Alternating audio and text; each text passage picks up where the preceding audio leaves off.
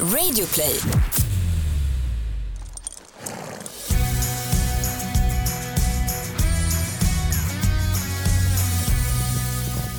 Varmt välkommen till ännu ett avsnitt av Ridklubben. En häst för dig som... Nej.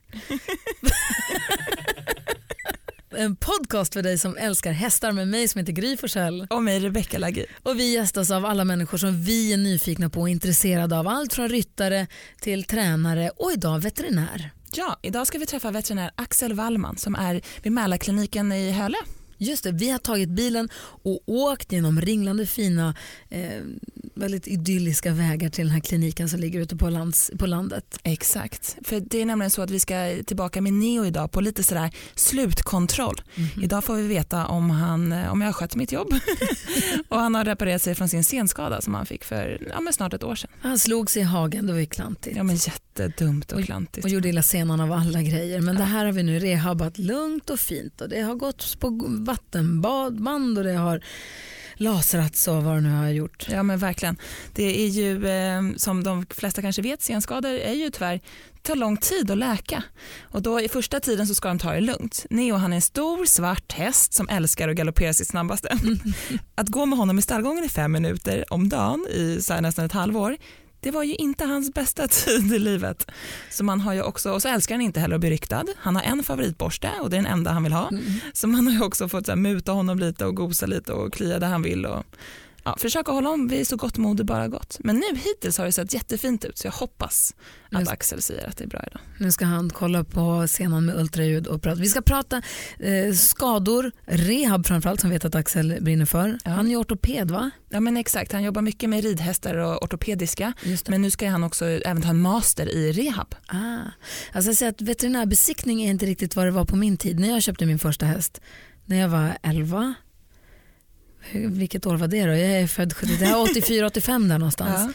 Alltså då var det ju veterinär som kom till stallet och så gjorde man ett böjprov. De kollade igenom, klämde igenom och gjorde ett böjprov och så var det bra med den saken. Ja, det är lite det vi kallar gårdsbesiktning idag skulle jag säga. Kommer en veterinär till gården och så longerar man lite och böjer lite och sådär. Ja. Och hur noga, hur, vad ska man kolla, hur mycket ska man röntga, hur mycket ska man kolla igenom en häst? Egentligen? Exakt, det är skitsvårt att veta. Så jag tänker att vi frågar Axel. Det gör vi. Innan vi tar er med på den här resan ut till Axels klinik så vill vi bara rikta ett stort tack till Scanbio Innan vi, innan vi nu tar er med på den här resan till Axels klinik så vill vi rikta ett stort tack till Scanbio, stallpellet som ju sponsrar podden. Ja men precis, stort tack till dem. Och det, vi har ju kanske skapat deras nya slogan då. Puff! Det säger bara puff. Exakt. För det är små pellets, eh, ja, spånpelletsform som man häller lite vatten på och så puff så blir de så mjuka och fluffiga. Alltså jag är rädd Rebecka, vi har inte skapat deras slogan. Jag tror inte de kommer ta den som inte. slogan. Jag tyckte den var så bra. ja, nu ska vi prata veterinärsnack med Axel Wallman.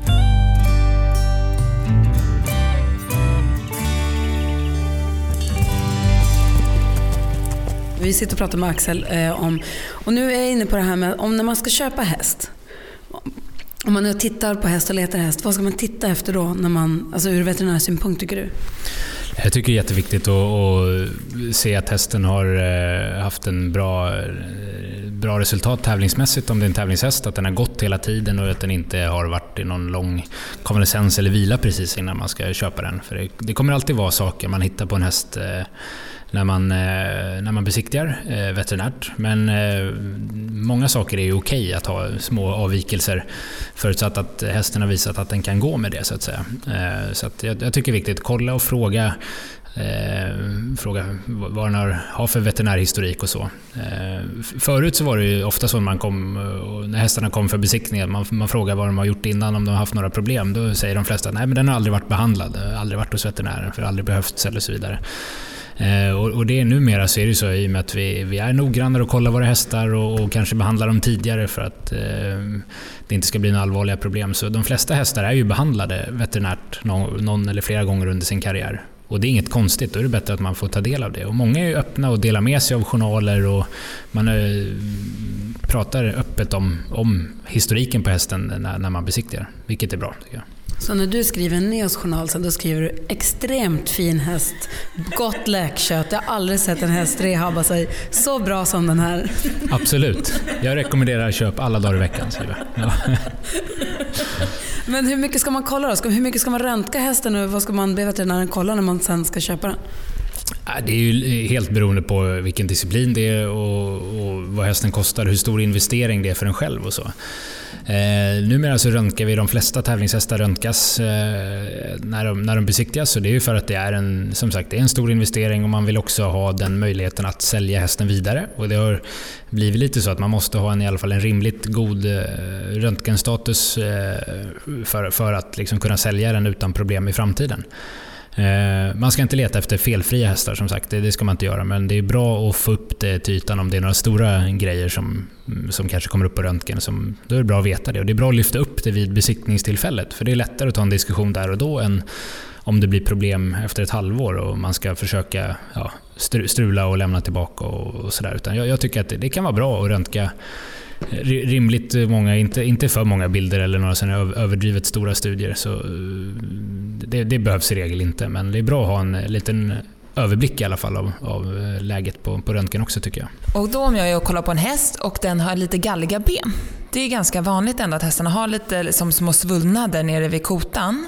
Hur, liksom, hur farligt är det med galgaben och var kommer det ifrån? Och finns det någonting man kan göra emot det eller ska man bara låta det vara? Ja, nej men det, det är ju precis. Alltså galler kan ju bero av eh, en mängd olika saker. Eh, nu så här års på våren då är det många hästar som blir lite mer galliga. Eh, och det har med, eh, egentligen med, med bakterier i tarmen som det blir en förändrad tarmflora på dem och då, då, då, kan det konstigt nog ge att de blir galliga i benen. För att man får, det är sjukaste jag hört. Ja, men, varför, varför får de svullnade på benen? För att de har kall i tarmarna? Nej, de är, det, det, är för att de får in, eh, går och pillar i sig det här gröna fina gräset som har ganska mycket näring i sig och då växer det till bakterier som producerar eh, Eh, Eh, histamin och histamin gör att blodkärlen vidgar sig och då får man eh, liksom, det släpps ut lite mer vätska i, i, i eh, benen och de blir galliga helt enkelt. Så det, det är ganska vanligt så här års och det behöver man inte vara orolig för. Men eh, när, man, när man tittar på häst om man ska köpa och det är, de är lite galliga så. Det, en, en äldre häst, liksom över medelåldern, om så 10 plus i alla fall, då, då tror jag att då kan man acceptera lite galler. Men de ska inte vara för hårda. Eh, och de ska inte vara varma och eh, det ska inte vara bara en galla på ett ben för då blir man lite mer misstänksam. Är de lite smågalliga på, på båda fram eller båda bak eller så, då, då tycker inte jag i regel att det behöver vara någon fara. Om du skulle ge våra lyssnare tre konkreta tips som man som hästägare kan göra eller tänka på för att hjälpa sin häst att få ett långt och hållbart liv, vad skulle det vara då? Ja, det, det, jag måste ju säga att man måste kolla dem regelbundet med veterinären, annars är det ju konstigt. Men, men, men det, det, tycker jag faktiskt att man ska göra, för att det är en, det är en bra investering. Dig? Eh, ja, för, för, för mig och för alla veterinärer. Nej, men skämt åsido, det, det är faktiskt bra. För att, äh, återigen, det är därför vi, vi har de här vetchecksen, för att titta hästarna och hitta saker i tid. Så det tycker jag absolut. Eh, sen tycker jag att man ska Eh, försöka ha hästarna, hästarna ska gärna få vara hästar. Eh, bra stall och hagmiljö är ju, är ju bra för hästarna. Jag tror att de mår, mår bra av att kunna röra sig i hagen och, och, eh, och ha, ha, en bra säker stallmiljö. Eh, och sen eh, är det väldigt viktigt med, med hovslagare och eh, den biten också för att få en, en, en så bra belastning som möjligt. Eh, så det blir egentligen en, det är några punkter då man tänker sig stallmiljö, hagar och eh, hovslagare och veterinär. Och sen kan man ju plocka på fler i det där också, att man har ett bra samarbete mellan de personerna som är kring hästen i det teamet runt. Så man har ett bra management brukar jag kalla det för. Och det, är, det är veterinär och det är hovslagare, ekviterapeut och eh, allt där kring som, som hjälper till. Och tränare inte minst. Det är jätteviktigt med en tränare som är lyhörd och, och observant också. Poddtips från Podplay. I fallen jag aldrig glömmer djupdyker Hasse Aro i arbetet bakom några av Sveriges mest uppseendeväckande brottsutredningar. Går vi in med hemlig telefonavlyssning och, och då upplever vi att vi får en total förändring av hans beteende. Vad är det som händer nu? Vem är det som läcker? Och så säger han att jag är kriminell, jag har varit kriminell i hela mitt liv men att mörda ett barn, där går min gräns. Nya säsongen av Fallen jag aldrig glömmer på Podplay.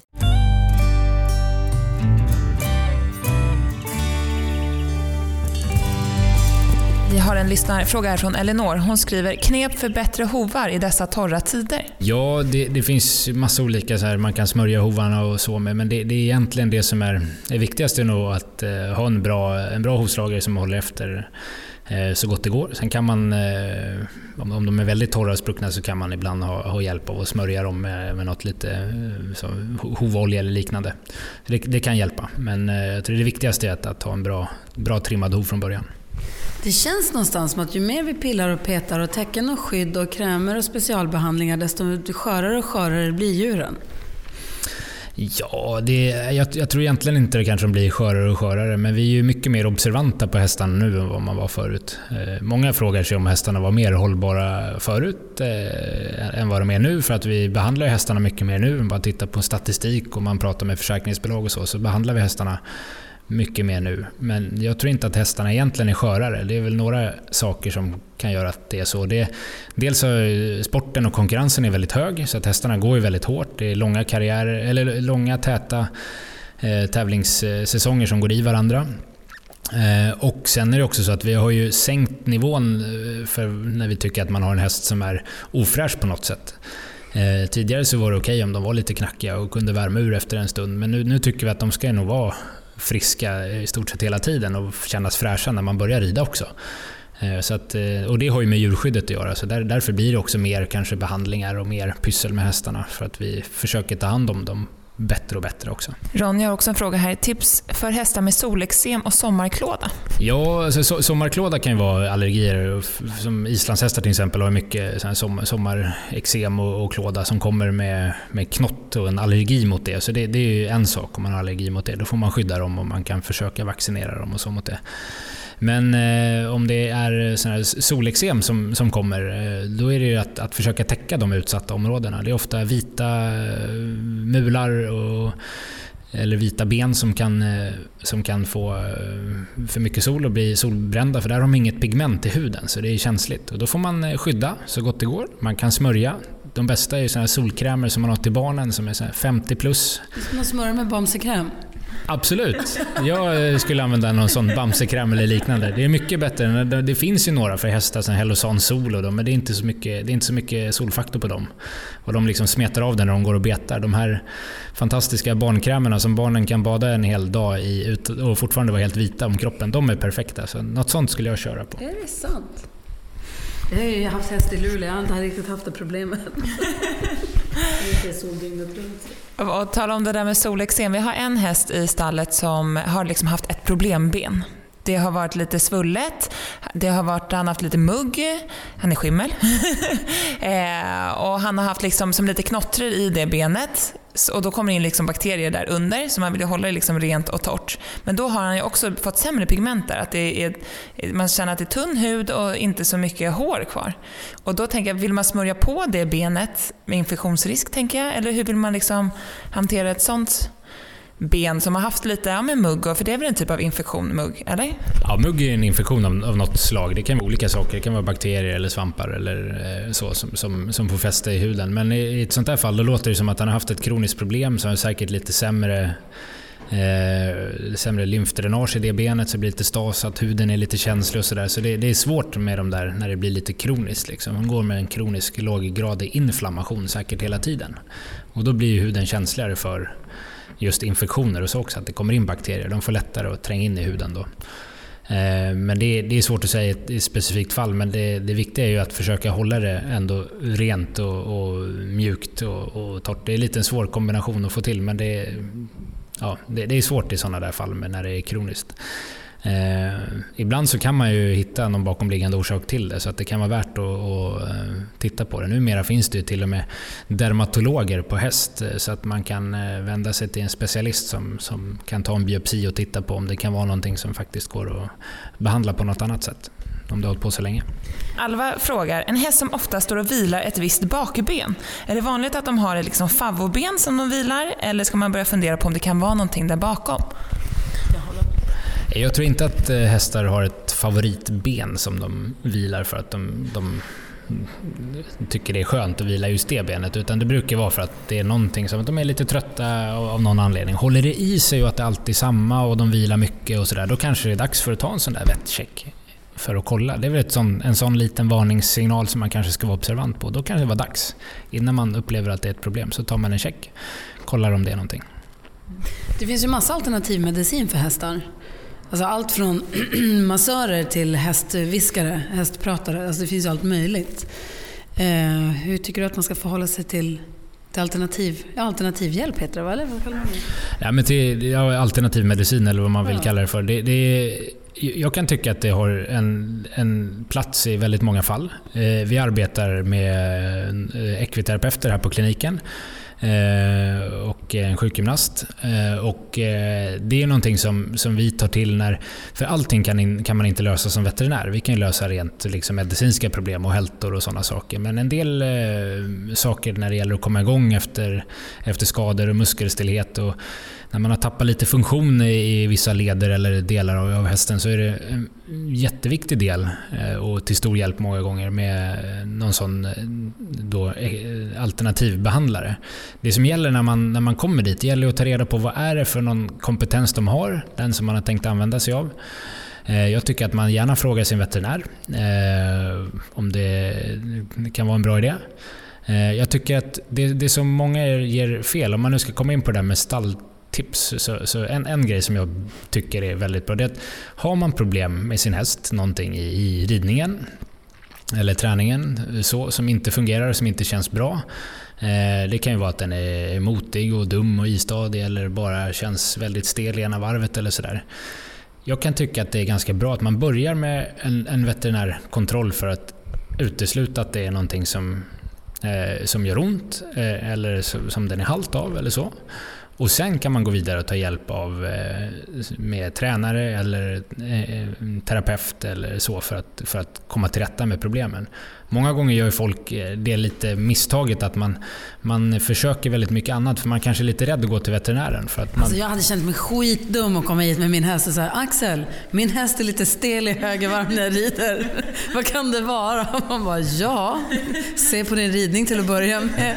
Alltså. Nej men, nej, men, ja, men jag förstår du tänker. Men, men jag tycker tvärtom. Jag vill ju sänka tröskeln för, för folk att, att göra just en sån koll. Det, det är i sånt läge när man säger att den är stel och det är si och det är så det är där det är läge för en sån här vettcheck. Vi kan inte tjata nog om det tycker jag. För det, då kan man gå igenom den och kolla och se, och är, det, är allting bra? Liksom, där? Jättebra, då kör man ju vidare. Då, rid igenom det här nu Gry. Fasen, nu får du ta hjälp, skärpa till dig och ta hjälp. Så när jag får vingliga sluter, då kommer jag. ja, precis.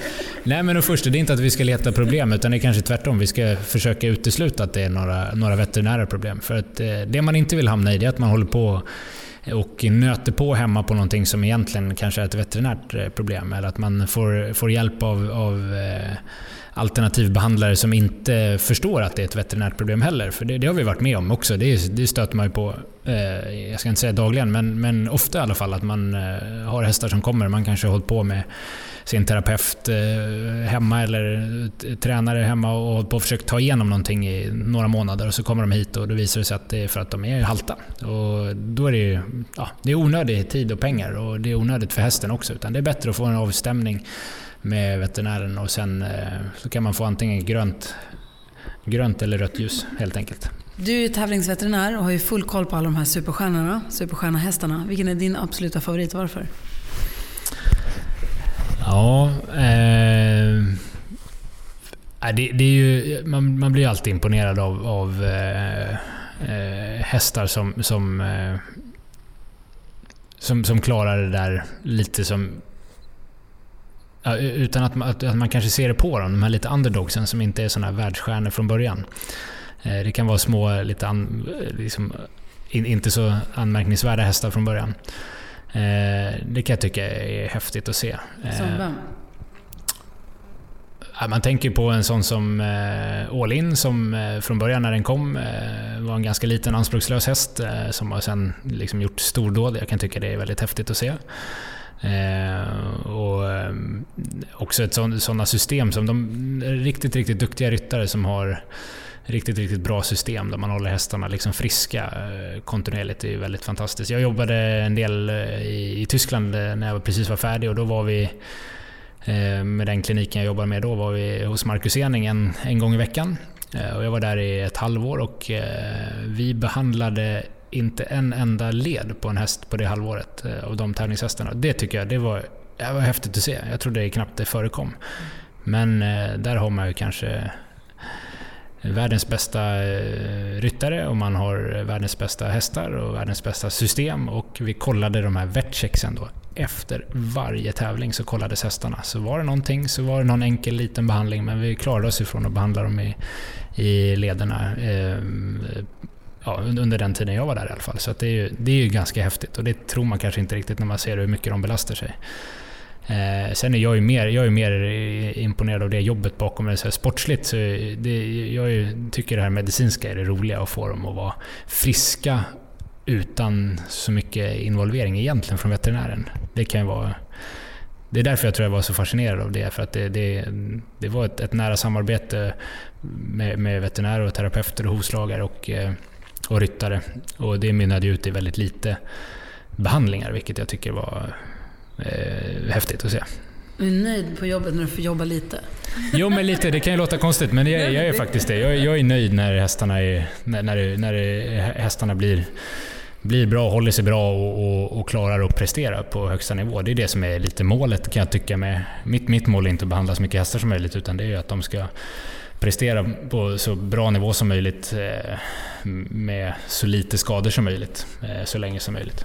Då har jag en slutlig fråga när det kommer till att behandla. Ibland upplever jag att vissa hästägare vill gärna att veterinärer ska behandla deras hästar. De kanske har blivit behandlade i något framknä tidigare och då vill de liksom nästan göra det lite i förebyggande syfte. Hur, liksom, när har hästägaren rätt och när har du som veterinär rätt?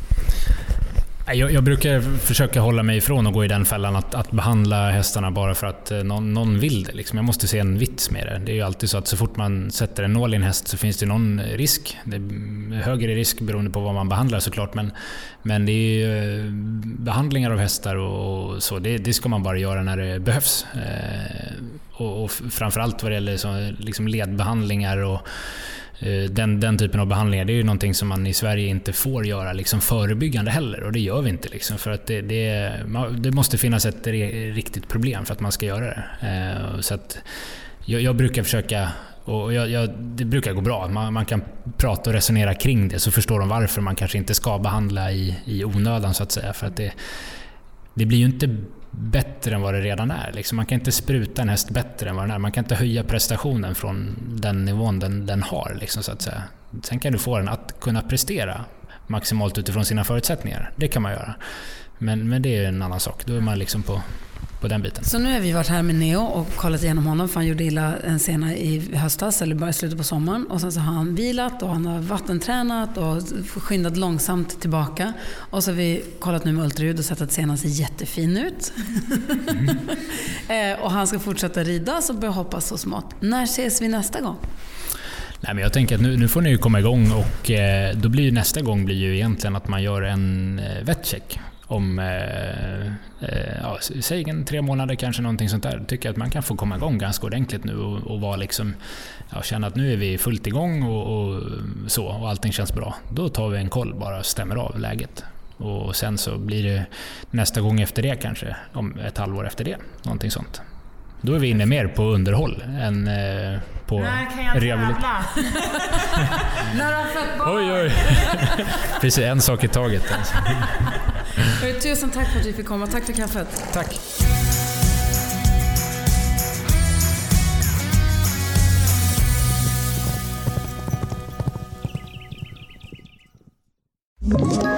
Ett poddtips från Podplay. I podden Något Kaiko garanterar östgötarna Brutti och jag, Davva, dig en stor dos skratt. Där följer jag pladask för köttätandet igen. Man är lite som en jävla vampyr. Man har fått lite blodsmak och då måste man ha mer. Udda spaningar, fängslande anekdoter och en och annan arg rant. Jag måste ha mitt kaffe på morgonen för annars är jag ingen trevlig människa. Då är du ingen trevlig människa, punkt. Något kajko, hör du på podplay. Därför är gardinerna.